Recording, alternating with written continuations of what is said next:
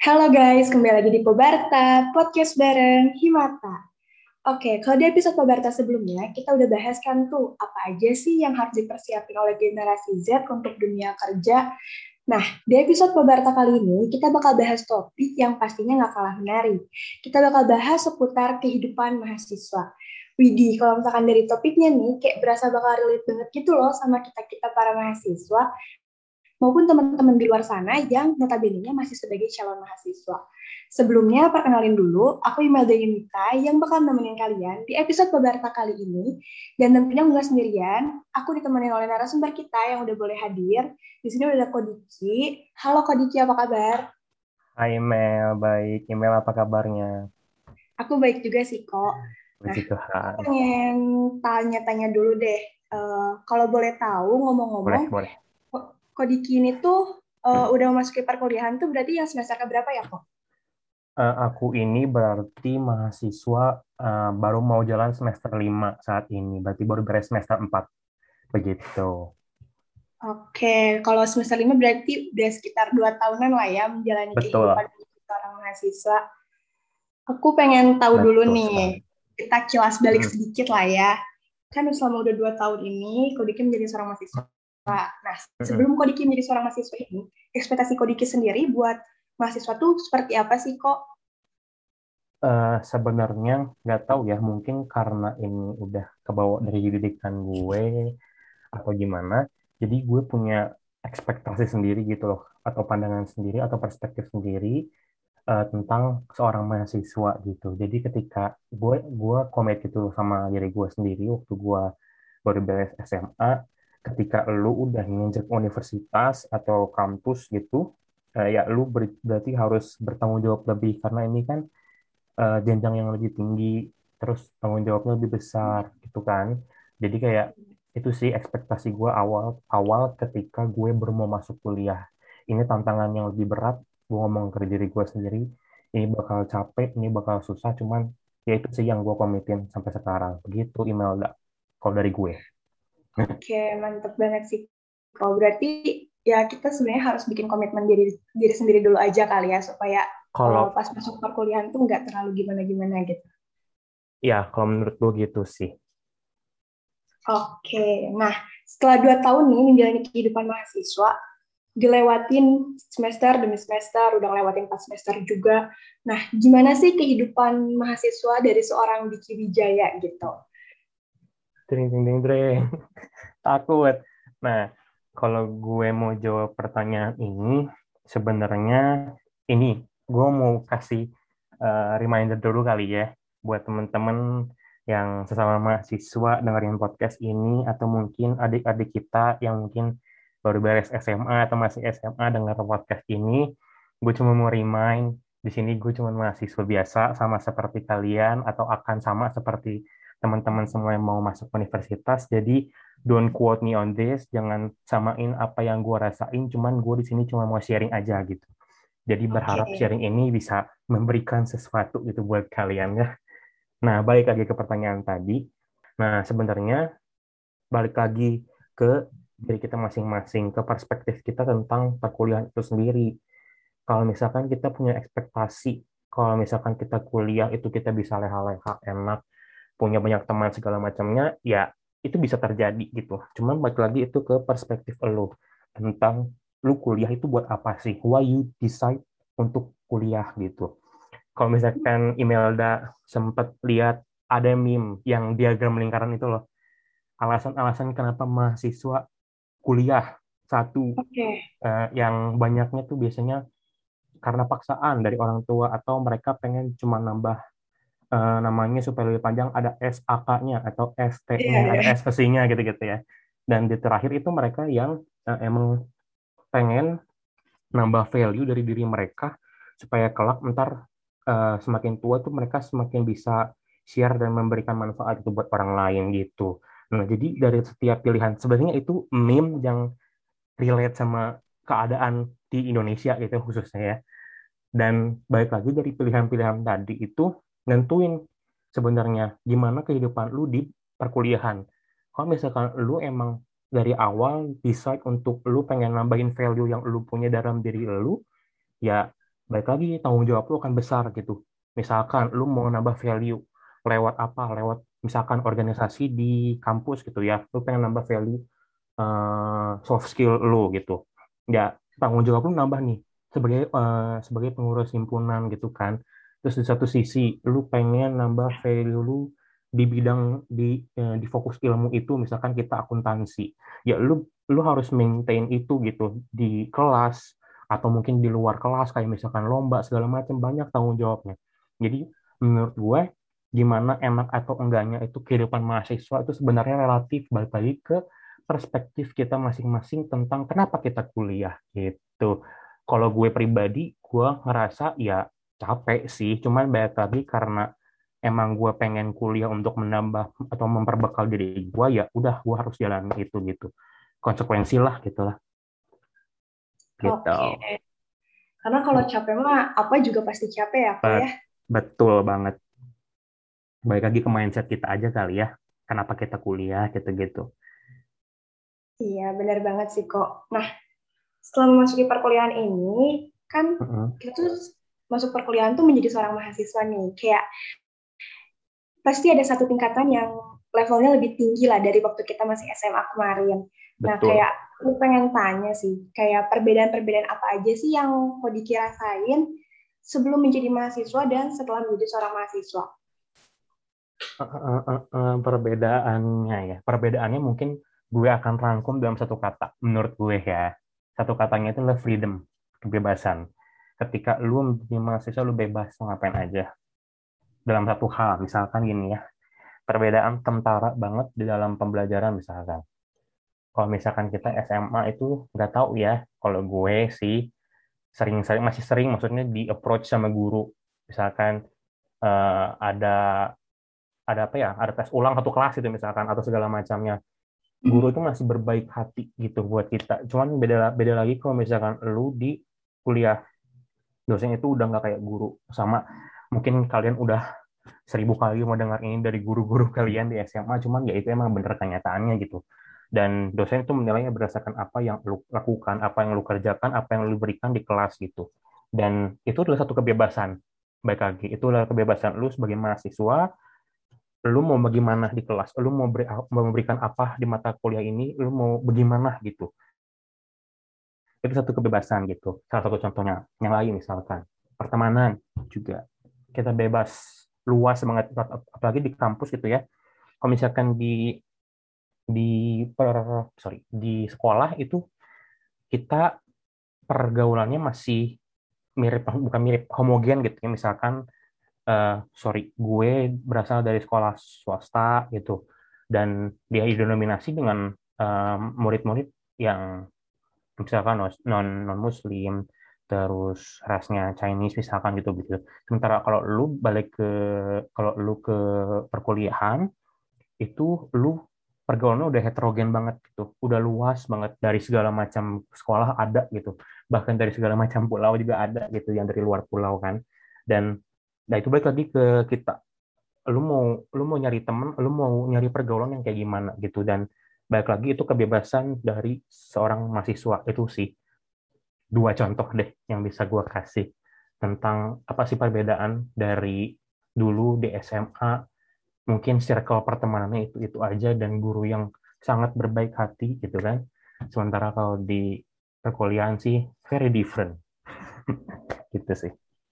Oke benar banget sih. Kayak kalau misalkan sekarang tuh juga aku ngerasa ini kayak gitu kayak kalau perkuliahan tuh sebenarnya lebih bebas ya kayak apalagi ya kan? jam belajarnya nih dulu tuh kita SMA dari pagi sampai sore tuh benar-benar belajar nonstop kan kalau misalkan Betul. kayak perkuliahan sekarang tuh udah dibagi-bagi gitu kayak ada kelas uh pagi terus ter baru ada kelas lagi tuh sore-sore gitu betul apalagi waktu kuliah offline Imelda kamu kan masih kuliah online ya Oh, yeah, waktu yeah. kuliah offline lebih kerasa lagi. Misalkan gap gitu ya, kita kelas jam 7.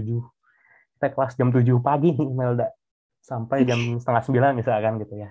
And then di hari itu, kelas keduanya itu jam setengah 4. Bayangin, mau ngapain itu jeda waktu. Nah, itu balik lagi ke kita. Gimana mau, lu, lu mau ngapain di waktu kosong itu gitu itu sih perbedaan ya itu salah satu perbedaan kentaranya juga ya iya sih benar-benar cuman ya. kalau misalkan angkatan aku kalau pergaulan kayaknya masih yang belum bisa merasakan gitu Susah perbedaan ya, kan struggling ya. iya gitu karena kita juga masih Aduh. di rumah aja gitu di rumah masing-masing Heeh. Tapi maksudnya masih komunikasi kah atau gimana kalau kalian? kalau komunikasi sih kita komunikasi juga terus kalau yang sama Heeh. Bandung pernah tuh dulu waktu Bandung udah ada membaik Meet kita up bukan? Aku Iya, boleh iya. nebak nggak di Mixway bukan? Iya nggak sih? Sorry, sorry. Bener nggak sih? bener-bener Bener ya? Ya aku pernah lihat kalau nggak salah. Pernah lihat-lihat itu di Instagram kayak, ih keren banget nih anak 20 sampai kongkong-kongkong gitu. Tapi itu tuh salah satu cara sih. Gimana caranya? Ya udah itu buat buat buat gimana ya buat pergaulan bertambah, buat channel bertambah gitu-gitu sih. Iya benar sih. Mantap. Keren.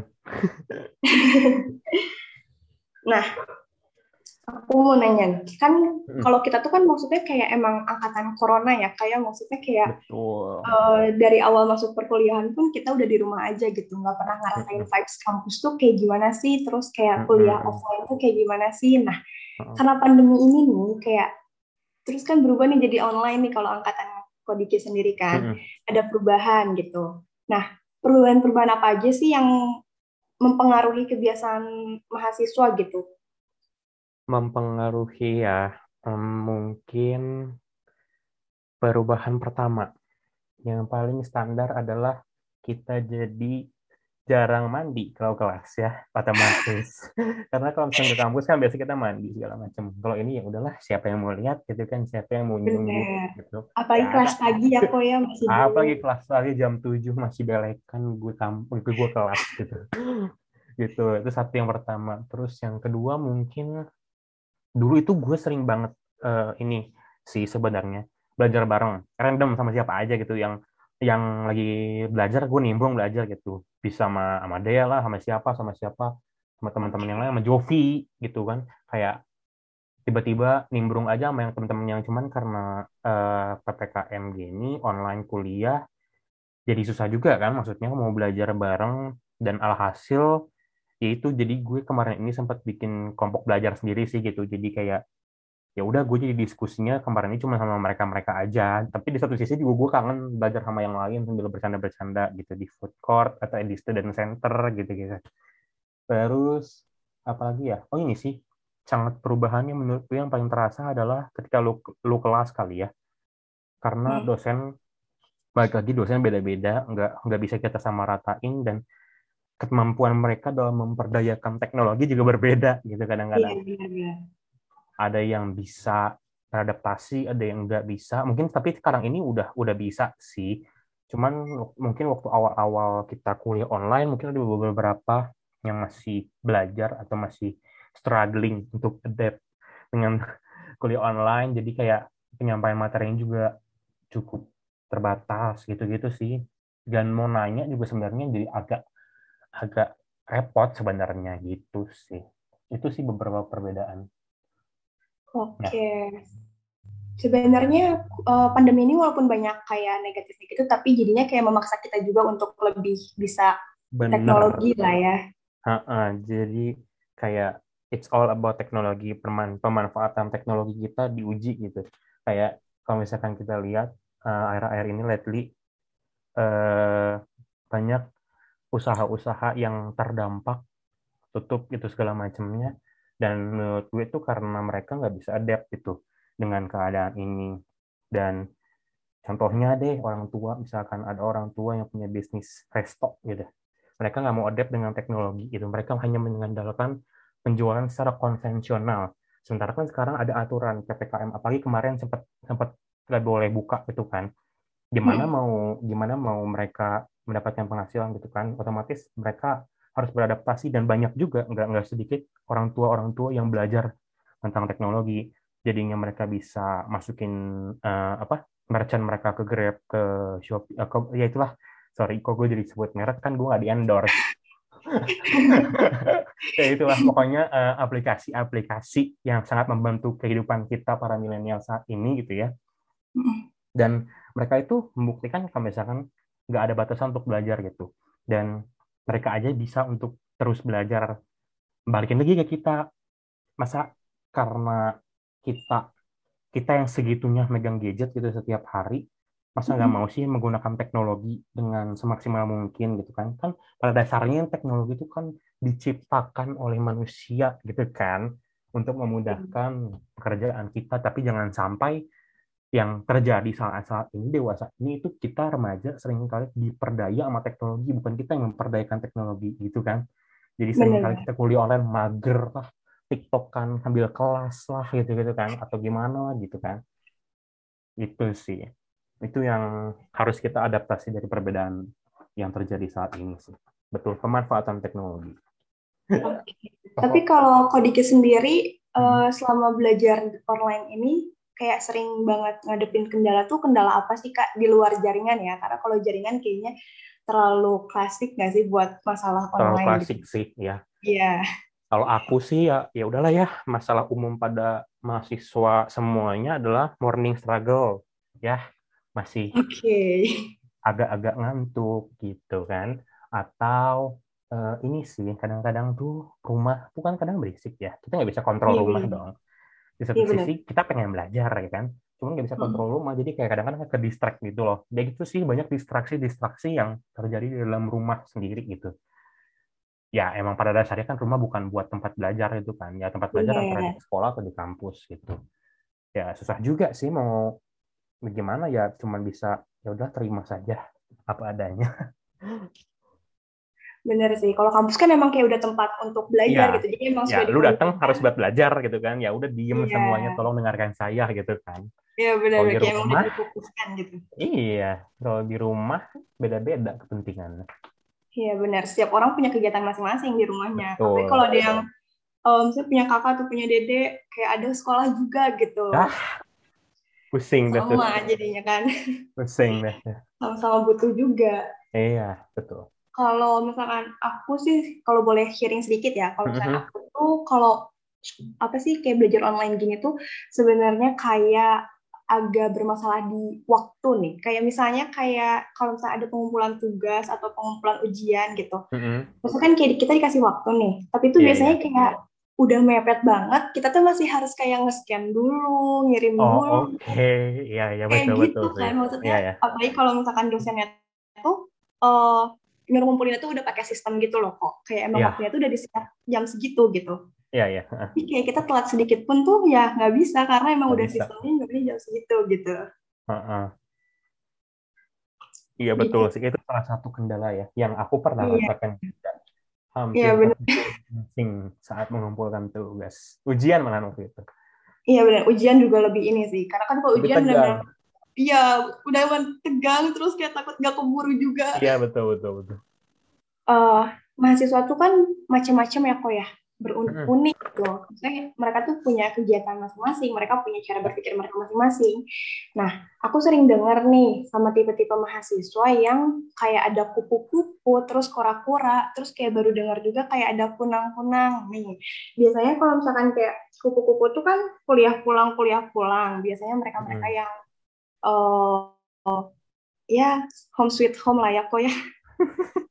Terus ada juga yang pura-pura kuliah rapat, kuliah rapat. Biasanya mm -hmm. organisasi nih, mau itu organisasi uh, uh. di kampus di luar di kampus gitu. Terus ada juga kunang-kunang, katanya sini kuliah nangkring, kuliah nangkring. Tapi kita nggak tahu ya mereka nangkringnya ngapain, mungkin juga iya, belajar ya, betul. kan. Betul.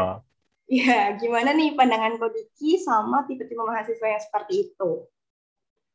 Hmm, bingung ya karena gue nggak bisa judge salah satu karena ya itu mah balik lagi ke mereka. Siapa tahu mereka pulang karena disuruh gitu kan nggak ada yang tahu.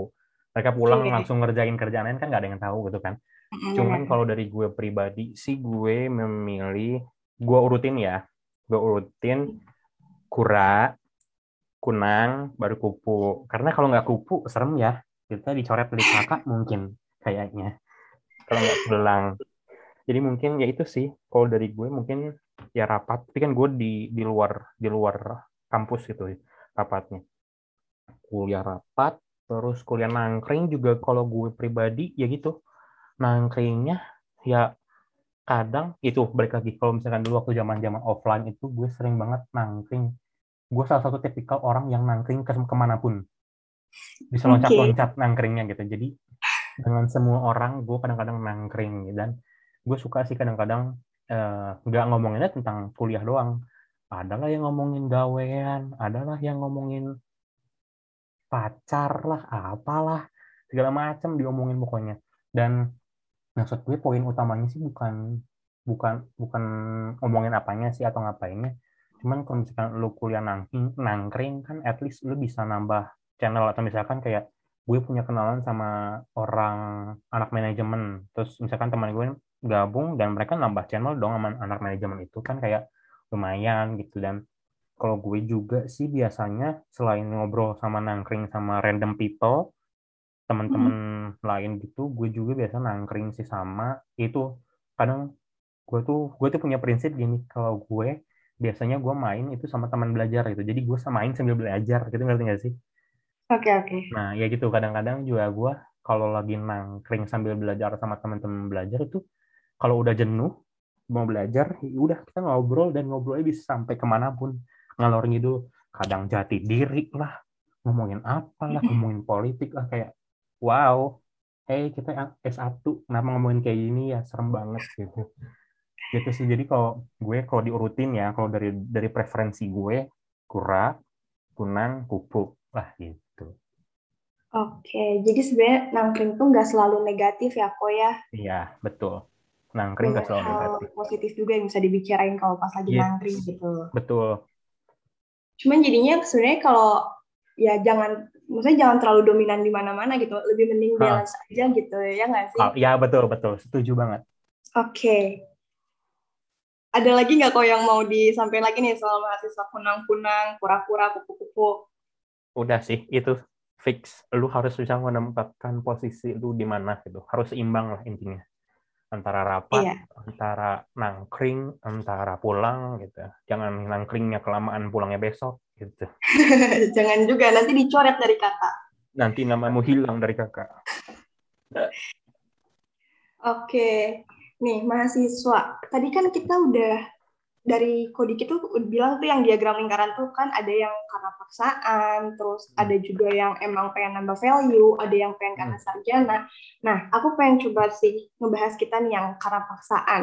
Biasanya nih kalau hmm. orang yang karena paksaan ini tuh kan bisa sampai jadinya ngerasa pas sudah masuk perkuliahan di tengah-tengah tuh kayak eh, nggak uh, nggak ngerasa di mana dia ada di jalur yang benar gitu. Mungkin dia ngerasa kayak uh, kok kayaknya gue nggak harusnya ada di sini ya gitu. Misalnya kayak salah jurusan gitu kok.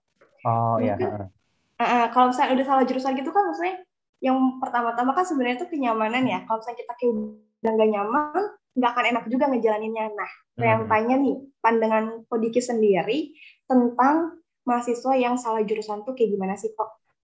Mungkin dari ini aja ya. Ini gue ngomong berdasarkan pemikiran gue puji Tuhan gue nggak ngalamin teman-teman gue juga kayaknya nggak ada sih yang sampai salah jurusan dan pindah haluan atau segala macamnya. Mungkin ada sih yang salah jurusan mungkin tapi mereka bisa overcome itu. Cuman kalau dari pemikiran gue pribadi, kalau misalkan salah jurusan kan pada dasarnya mereka nggak tahu apa yang mereka inginkan awalnya kan. Sampai akhirnya mungkin mereka dipaksa udahlah kamu akuntansi aja atau udahlah kamu psikologi aja gitu atau apa-apa-apa gitu kan mungkin ya. Jadi pada dasarnya itu berangkat pada ketidaktahuan kita akan keinginan kita gitu kan. Setelah dijalani misalkan satu semester dua semester ternyata gue nggak ada passion ternyata ya di akuntansi. Eh apa yang harus lakukan kalau menurut gue sih setelah lu nggak sama apa sama akuntansi sama jurusan lu atau sama tempat lu berada ya lu harus cari tahu sebenarnya tuh lu passionnya di mana lu pengennya di mana lu enjoynya tuh di mana gitu kan. Itu yang pertama sih kalau menurut gue ya Mel jadi setelah lu ngerasa nggak nyaman, jangan lu jalanin terus gitu. Maksudnya ya udah kalau misalkan lu mau maksain nggak apa-apa juga sih. Cuman kan tanggung jawab lu ya. Kalau misalkan lu kepaksa kan jadi nggak enjoy gitu. Ya udah setelah itu lu ngomong ke hmm, orang tua lu gitu. Dan menurut gue uh, semua masalah bisa dikomunikasiin secara baik-baik dan bisa ditemukan solusinya gitu cuman pada dasarnya kita nggak bisa tahu orang tua. Kan misalkan amit, gitu ya. Kalau dari gue pribadi ternyata orang tua lu atau orang tua kita tidak merestui. Kita pindah jurusan ya udah itu sih. Tadi tanggung jawab lu nambah nih. Selain lu harus menjalani kehidupan lu sebagai mahasiswa akuntansi berarti lu juga harus kejar passion tapi di luar kampus. Misal, banyak nih akhir-akhir ini course-course online yang gratis dan juga berbayar gitu yang bisa eh, meningkatkan passion kita gitu misalkan. Akhir-akhir ini gue, gue juga ikut course eh, ikut course financial market itu sebenarnya berbayar, cuman karena gue emang pengen pure mau belajar, mbak itu tuh sebenarnya berbayar untuk mendapatkan sertifikat kan. Cuman karena gue hmm. emang pengen belajar dan pengen tahu, ya udahlah gue ikut yang free yang nggak apa-apa gitu. Gue ikut tanpa dapat sertifikat, yang penting ilmunya gitu. Jadi menurut gue kalau nggak tahu Imelda tahu nggak ya, Pendeta Yohanes tahu nggak? Yang di Universitas Maranatha. Uh, yang di Universitas. Uh, dia, tuh tahu. sempat, uh, dia tuh sempat uh, ngasih uh, sermon di di waktu gue jadi maba. Pokoknya yang gue nangkap sampai sekarang dan gue terapin sampai sekarang adalah mahasiswa itu harus extra miles gitu. Jadi kalau misalkan orang itu ngelakuinnya cuma sampai A, gue tuh harus ngelakuinnya sampai Z itu misalkan. Itu yang dinamakan extra miles. Jadi kalau misalkan lu udah nggak direstuin untuk pindah jurusan, ya udah lu harus extra miles. Di samping lu harus ngelakuin tanggung jawab lu kepada orang tua lu sebagai mahasiswa akuntansi, ya udah lu juga harus melakukan extra miles, yaitu mengejar passion lu di bidang desain dengan cara banyak gitu. Memanfaatkanlah teknologi sekarang gitu kan. Banyak online course, banyak pelatihan, banyak video-video pembelajaran yang bisa lu manfaatkan sekarang gitu. Gitu sih. Sorry teman-teman yang mungkin salah jurusan, aku nggak mau menyinggung, aku nggak mau menyindir, cuman ini opini pribadi. Ya, takut tapi nggak apa-apa buat teman-teman di luar sana juga yang ngerasa salah jurusan jangan patah semangat. Yes semangat. Uh, cari tahu lagi passion kalian di mana dan tetap belajar supaya ya walaupun kalian harus menjalani yang kalian gak suka tapi setidaknya kalian juga bisa dapat nih apa yang kalian suka gitu. Betul itu kali ya kok ya mm -mm. nah tapi kalau misalkan menurut Kodiki nih buat teman-teman kita nih yang SMA nih yang masih uh, memilih lah ya, masih berpikir, masih mencari tahu harus ke mana. Nah, gimana sih tipsnya supaya mereka tuh nggak sampai salah jurusan gitu? Mungkin itu udah dibantu, udah diakomodasi sama sekolah kita biasanya kan. Kalau di SMA itu ada penjurusan ya nggak sih IPA IPS? Iya ya, ya sih. Nah dari situ sebenarnya kita bisa tahu itu salah satu salah satu gerbang pertama gitu kayak misalkan lu ada nggak interest di uh, natural sciences atau lu ada nggak uh, interest di social sciences gitu kan kalau misalkan amit-amit nggak ada di antara natural dan social sciences kan ada tuh ya uh, misalkan uh, mata pelajaran lain ya nggak sih? Yang umum diikuti kayak OR siapa tahu mau jadi guru OR atau jadi atlet ya kan? Atau ada juga pelajaran komputer. Di komputer itu dulu di gue banyak lumayan cukup banyak lomba-lomba gitu. Dan banyak juga teman-teman gue yang eh, akhirnya pada akhirnya masuk jurusan IT ya IT dan hmm. berbau-bau seperti itu karena mereka ikut lomba pada awalnya gitu jadi sebenarnya tanpa kita sadari juga sebenarnya di SMA itu udah diwadahi lo guys teman-teman adik-adikku tercinta jadi manfaatkan setiap peluang yang kalian punya setiap uh, misalkan kalian ya udah refleksi aja dulu secepatnya dicari lebih baik begitu Oke, benar sih. Jangan sampai terlambat setelah dijalani baru ngeh ya. Iya, Betul. Gitu. Oke nih, kehidupan hmm. mahasiswa tuh kan kita beda lagi nih sama waktu SMA. Dulu kan hmm. sebutannya guru nih, sekarang tuh dosen hmm. namanya. Nah, mahasiswa tuh kan macam-macam ya kok ya apalagi cara belajar kita juga beda-beda antara Betul. aku kayak aku Diki ataupun teman-teman yang lain kan kita beda-beda gitu hmm. uh, mungkin ada yang merasa uh, aku cocok nih sama cara ngajar dosen yang ini aku cocok nih sama cara ngajar dosen yang itu gitu nah gimana sih pendapat Kodiki sendiri nanggepin uh, dosen-dosen yang mungkin menurut Kodiki pribadi tuh kurang cocok gitu sama pribadi Kodiki nah gimana tuh kak Oke, okay. jadi kan pada dasarnya itu dosen manusia ya. Kita manusia yang ada di kelas semua manusia kecuali AC, papan tulis dan laptop gitu kan. Oke. Okay, semua manusia gitu kan. Jadi kayak semua manusia punya moodnya masing-masing gitu loh. Nah, menurut gue sih ya, kadang tuh gini loh Mel. Kadang hmm. tuh kita suka dengar kabar-kabar dulu kayak misalkan dari cutting atau dari teman angkatan kita deh yang punya cutting cerita nih dosen Iya. ini mah bla bla bla bla bla bla bla bla bla bla bla bla gitu kan. Padahal kita belum tahu kenyataannya gimana, kita belum tahu realitanya gimana gitu kan. Eh, jangan duluan kemakan kabar itu. Ya udah boleh lu dengerin nggak apa-apa, lu lu jadikan pengamatan di dalam kelas lu. Cuman ini mah dari dari gua aja tips ya. Tips yang sebenarnya gue juga nggak gue lakukan lakukan amat karena susah gitu. Ada satu tips yaitu make a good start. Ketika lu mulai kelas ya lu harus memanfaatkan setiap peluang itu sebaik mungkin. Kayak misalkan kalau misalkan dosen lu nanya di kelas pertama ya dijawab itu dengan sangat baik.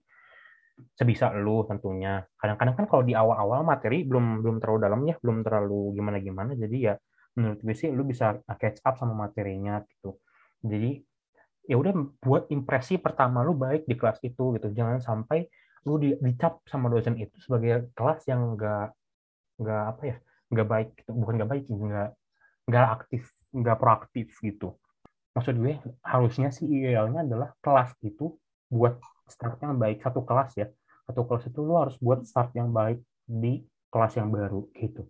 Setelah itu setelah lu bisa membuat mood dosen lu baik uh, lu harus tetap proaktif di setiap pembelajaran kelas gitu nah ini adalah satu istilah proaktif dan juga reaktif. Ini gue sempat baca di buku, kalau nggak salah judulnya itu Seven Highly Effective People. Correct me if I'm wrong. Okay. Jadi di buku itu, di buku itu ada ngebahas tentang proaktif dan juga reaktif. Bedanya apa sih? Kalau proaktif itu kita bisa mengeliminasi kemungkinan terjadinya kejadian sebelum hal tersebut terjadi, gitu kan? Dan yang satunya lagi itu ada yang namanya reaktif. Kalau reaktif itu ya udah kita merespon kejadian yang terjadi gitu. Beda kan? Dan menurut gue pribadi ya seorang mahasiswa harus bisa proaktif. Contohnya bagaimana sih supaya tetap proaktif di dalam kelas? Kita kalau kuliah dikasih RPS kan kayak misalkan satu semester pertemuan ini kita belajar apa? Kadang-kadang malah kan dimention sama dosennya. Minggu depan kita masuk bab ini ya bla bla bla bla bla gitu kan? Ya nggak sih gitu. Terus ya udah sebagai mahasiswa yang proaktif untuk tetap bisa proaktif ya kan lu udah denger lu materi lu, minggu depan materi lu apa ya udah lu baca materi tersebut lu gali ya sebisa lu gitu. Meskipun lu nggak paham ya udah baca aja gitu. So ketika lu ntar datang ke kelas selanjutnya lu bisa tanya hal yang lu setelah dosen lu paparin materi dan lu masih ngerti lu bisa tanya gitu dan jujur ini adalah hal terberat yang sampai sekarang juga gue nggak bisa lakukan gitu. Bukan nggak bisa. Susah gitu ya jujur jujur yang lain udah malas satu ya. Kadang-kadang kudu uh, membaca materi hela gitu. Cuman ya to be true itu betul menurut gue. Ya lu harus bisa proaktif supaya kelas supaya kelas lu hidup supaya dosen lu juga ngajar itu mau ngajar gitu. Itu yang kedua. Yang ketiga itu communication. Communication itu penting menurut gue. Karena kalau misalkan lu di kelas gak paham dengan dosen kita tanya dengan baik-baik Pak atau Bu mohon maaf saya nggak ngerti. Apa atau enggak dengan kelompok belajar ya. Gue sih encourage lu punya kelompok kelompok belajar sendiri sih. Guys lu ngerti nggak yang ini? Bla bla bla bla bla bla. Amit amit nggak ngerti juga. Ya itu tadi yang tadi gue sempat bilang extra miles ya lu sekarang teknologi udah terbuka apa aja lu mau cari ada ya udah cari di internet ada kok gue juga kemarin kemarin sempat itu itu sih menurut gue untuk menanggapi dosen-dosen yang terkadang berbeda kepribadian dan cara mengajarnya. Ada yang cocok, ada yang nggak cocok gitu. Oke, mantep banget sih Kak. Jadi sebenarnya yang paling pertama tuh jangan dulu makan sama omongan orang lain ya. Maksudnya kita harus Iya, kita tuh harus lihat dulu pakai mata kepala kita. Kita harus rasain dulu sama kita sendiri gitu. Karena belum tentu yang mereka rasain tuh benar gitu sama yang kita Kejadian rasain. juga ya, kejadian ya. juga di kelas kita siapa tahu enggak gitu kan oke terus kesan yang baik juga itu penting banget ya supaya nanti tuh ke sananya jadi kayak bagus juga gitu jadi kayak dosennya hmm. kalau udah gamut tapi dia tuh tahu oh kelas ini tuh enak banget nih si ya, sih ya tetap betul. semangat gitu ngajarnya ya kok ya hmm.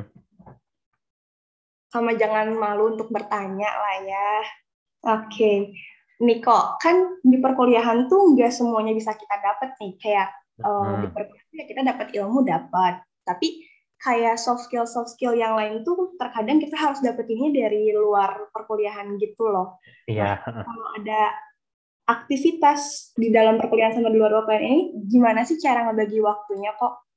Kalau menurut pribadi ya itu sih, kalau misalkan lu punya, lu harus menyeimbangkan dua kehidupan antara kehidupan kelas dan kehidupan di organisasi lu ya lu harus tahu tahu mana yang lebih penting mana yang lebih diprioritaskan di hari itu. Let's say ada rapat kalau misalkan rapat yang nggak bisa ditinggalin misalkan lu kan di situ jadi cuma jadi misalkan uh, bukan jadi ketuplak atau uh, koor gitu misalkan lu izin aja lu bisa nggak gue tinggal sebentar kalau misalkan masih ada waktu ntar gue nyusul gitu. Kan bisa dikomunikasiin gitu kan gitu sih okay. kalau kuliah online terbantu enggak sih karena ada recording sekarang benar Oke, okay. berarti sebenarnya kalau misalnya masalah dalam perkuliahan sama luar perkuliahan tuh uh, balik lagi kita aja kali ya, pintar-pintar. Mm -hmm. uh, mana sih yang lebih penting, mana sih yang kalau misalnya ditinggalin terus jadi banyak gitu kali ya. Betul, betul. Oke, okay. nah seorang mahasiswa tuh kayak dia kan lebih tinggi ya, maksudnya udah ada gelar mahan nih. Nah, gimana sih maksudnya seorang mahasiswa tuh harus mencerminkan seorang mahasiswa itu sikap dan peran seperti apa aja gitu. Mahasiswa tuh harus seperti apa gitu. Kalau menurut Kodiki pribadi itu kayak gimana? Jadi kalau dari gue, sikap dan peran apa sih yang sebenarnya harus ada di mahasiswa menurut gue, tadi udah sempat gue berkali-kali singgung sih. Yang pertama adalah responsibel atau bertanggung jawab. Bertanggung jawab yang seperti apa? Semua semua hal yang lo lakukan di perkuliahan lo harus bertanggung jawab. Terus yang kedua adalah tadi proaktif. Kalau menurut gue kita udah ada di level yang lebih tinggi daripada seorang siswa yang hanya reaktif biasanya. Cuman kalau ya menurut gue seorang mahasiswa itu harus proaktif. Ya atau bahasa kita biasanya sih inisiatif gitu. Oke, iya sih benar banget. Karena kalau misalkan mahasiswa tuh udah nggak bisa di bujuk-bujuk lagi gitu, udah nggak bisa didorong-dorong lagi dari belakang gitu, emang harus inisiatif diri oh. sendiri ya kok ya. Nah ini ada pertanyaan sih dari teman-teman Instagram. Uh, mungkin beberapa aku bisa tanyain. Boleh. Jadi bisa beberapa aku tanyain ke Kodiki nih. Yang pertama tuh ada uh, pertanyaan gimana sih cara dapetin relasi banyak padahal kita tuh seorang introvert karena biasanya nih kan orang introvert tuh kayak uh, suka nggak bisa memulai duluan gitu loh jadi biasanya mereka tuh jadinya kayak terpojok hmm. gitu merasa sendiri gitu karena dia nggak bisa memulai dan tidak ada yang memulai gitu jadi gimana nih seorang introvert supaya bisa dapat relasi banyak Pertama-tama, kita tebak-tebakan Mel. Gue ekstrovert, introvert.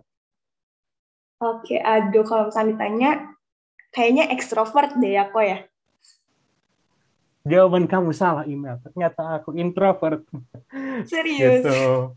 Tapi uh, eh, gue pribadi, setelah gue refleksi, gue merasa kalau gue introvert gitu. Kalau di tes itu sih mengatakan kalau gue introvert 78%. Nah, gini. Iya. Masalahnya adalah gini itu kan ada persenannya tuh dan yang gue tahu sorry kalau misalkan ada mahasiswa psikologi yang mendengar ini atau psikiater atau psikolog tolong correct me ya benarkan diriku jadi yang gue tahu adalah setiap pribadi itu punya dua titik intinya extrovert dan introvert gitu hmm. cuman masalahnya adalah mana yang dominan gitu menurut nah, di masing-masing kita misalkan gue kebetulan gue yang dominannya adalah introvert nah introvert ini sebenarnya adalah cara kita mengumpulkan energi, Imelda. Kalau gue ya mengumpulkan energi dengan diam, membaca, misalkan mendengarkan lagu, menonton gitu-gitu. Beda dengan orang ekstrovert gitu. Kalau ekstrovert itu mereka mengumpulkan energi ya dengan cara bertemu orang lain, misalkan main apalah apalah apalah gitu kan. Dengan ya udah bersosialisasi intinya. Itu cara mereka mengumpulkan energi kalau ekstrovert. Kalau gue ya kebalikannya. Nah berdas berdasarkan pertanyaan ini gimana cara dapetin relasi banyak padahal introvert? Gini jangan dulu bandingin diri lu sama orang lain. Karena balik lagi kita kan beda-beda nih. Gue sama email beda gitu kan. Gue introvert misalkan email extrovert ya jelas lah eh, email uh, relasinya banyak banget. Orang dia bersos uh, mengumpulkan energinya dengan cara bersosialisasi beda dengan gue gitu kan. Gue itu mengumpulkan energinya tadi dengan cara diem nonton berdiam diri gitu gitu kan. Cuman gue bisa untuk mencari relasi. Tapi uh, poin gue adalah di sini. Ya nggak apa-apa nggak sebanyak ekstrovert relasi lu cuma lu udah berusaha gitu. Jadi sebenarnya pada dasarnya bisa-bisa aja gitu. Dan menurut gue itu balik lagi ke taktik kita sih sebagai introvert. Kalau gue sih, kalau gue sih biasanya tetap gue yang mulai. Gue berusaha effort banget untuk memulai pembicaraan dengan orang baru. Cuman gue biasanya mengajukan pertanyaan-pertanyaan yang gimana caranya supaya orang menjawab dengan panjang kali lebar kali tinggi gitu kan karena pada dasarnya seorang introvert itu lebih baik mendengarkan Mel gitu. Jadi gue tuh harus mencari sedemikian rupa pertanyaan yang bisa mereka jawab dengan panjang. Dan gue tinggal denger dan gue tinggal tambahin sedikit gitu. Just be yourself apa adanya. Jangan karena lo introvert jadi lo terus-terusan diem di zona nyaman lo coba untuk push your limit. Oke, berarti sebenarnya jangan sampai kita ngebandingin diri kita sama orang lain ya, karena biasanya ya, kalau kita ngebandingin sama orang lain, ngelihat orang lain tuh jadinya ke kitanya nggak bersyukur, malah jadi insecure gitu ya kok ya? Mm-mm. Terus ya itu tadi yang gue bilang push your limit, jangan gara-gara lu merasa lu introvert jadi lu nggak mau berteman, tetap buka, tetap mencoba gitu loh. Jangan menut benar-benar menutup diri lu gitu. Harus open minded lah ya, jangan jangan Betul. maunya ada di zona nyamannya terus, tapi ya harus berani, harus berani keluar dari zona nyaman itu sendiri gitu. Mm-mm. Betul banget. Oke, nah ini ada pertanyaan lagi nih dari Tesalonika mm -hmm. underscore. Nah, dia dia minta tips menghadapi kuliah online biar gak mager. Ini benar banget sih. Pertanyaannya kayak relate banget gitu loh kok. Apalagi kalau misalkan si kuliahnya tuh cuman ada di kuliah sore doang. Biasanya kan kayak dari pagi sampai siang tuh kayak vibes-nya jadi udah kayak libur gitu. Terus tahu-tahu sore-sore ada kelas. Jadi kayak udah mager gitu. Nah, ini gimana sih cara tips menghadapi ini nih? Aduh, sorry gue juga struggling ya. Cuman cuman gue jawab cuman gue coba jawab gimana caranya gue itu kali ya overcome dari sisi gue gitu ya. Misalkan kayak tadi kasusnya kuliahnya sore udah keburu males vibes-nya udah keburu kebanyakan leha-leha di kasur gitu misalkan ya. Kalau gue pribadi gue selalu yang pertama timer eh sorry bukan timer reminder dan remindernya itu nggak 15 menit sebelum please tolong sejam sebelum atau satu setengah jam sebelum. Gitu jadi at least lo ada peringatan di otak woi lo harus siap-siap bisa nggak siap-siap? Gitu ya. Terus biasanya kalau sore gitu ya kuliahnya gue itu sebelum sebelum kuliah itu nggak tidur justru. Jangan tidur justru karena justru malah tambah leha-leha gitu. Kalau gue pribadi sih kalau kuliah sore biasanya tonton atau ya do, do something yang lu suka gitu. Cuman satu sisi sebagai seorang mahasiswa please tuh tahu tanggung jawab woi gitu. Jangan sampai bablas gitu. Gue bingung sih sebenarnya karena gue jujur-jujuran jarang gitu ngerasa di satu sisi mager kalau ngantuk karena dosennya misalkan nama ngomongnya itu pernah. Cuman kalau mager sih gue selalu oh, standby cuman kalau gue ada sih satu titik satu titik kayak gitu. Ya tadi yang gue bilang kayak tadi sih. Gue selalu pasang reminder sama perbanyak aktivitas-aktivitas yang lu suka gitu. Jangan hari-hari kosong lu pakai tidur sorry. Ya iyalah mager gitu kan.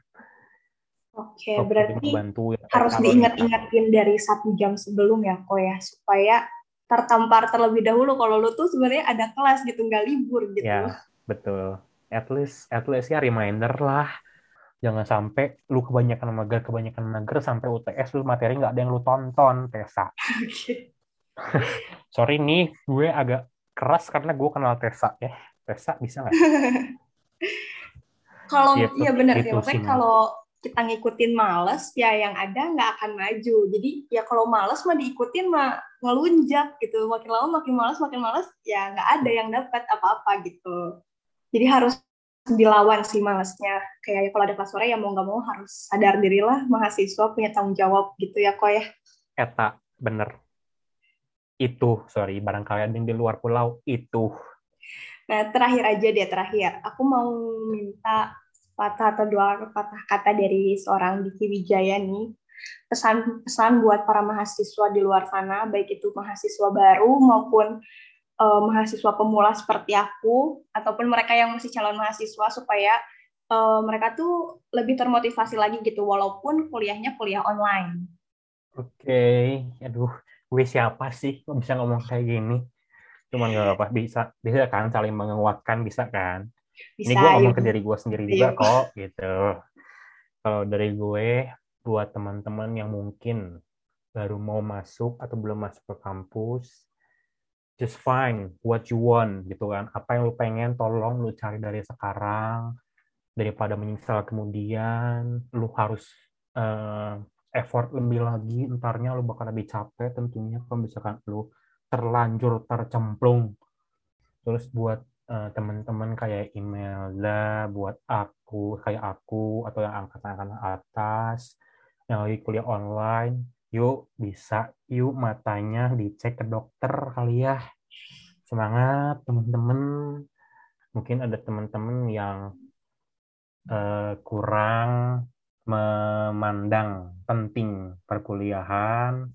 Cuman buat teman-teman yang di satu sisi sama kayak gue merasa kalau perkuliahan adalah satu tanggung jawab aku kan tanggung jawab teman-teman dengan sebaik mungkin. Capek itu wajar just take your time take your apa ya break time ya lu bisa ngapain aja apalagi online gini cuman jangan sampai terlalu terlarut oleh kemageran itu Oke, makasih banget loh Kak Diki pesan-pesannya itu termotivasi banget. Semoga teman-teman di luar sana juga jadi semakin semangat lah ya menjalani kuliah online-nya. Sama-sama. Terima kasih juga Imelda. Oke, makasih banget udah bersedia jadi narasumber juga di Pobarta. Uh, udah sharing pengalaman serta ilmunya itu benar-benar ngingetin kita juga sih. Oke buat teman-teman di luar sana juga, makasih banyak udah dengerin podcast ini dari awal sampai dengan akhir. Uh, semoga apa yang udah disampaikan ini bisa bermanfaat dan bisa menjadi bekal buat kalian semua menjalani kehidupan menjadi seorang mahasiswa. Akhir kata, aku Imelda Yunita, pamit undur diri, salam mahasiswa.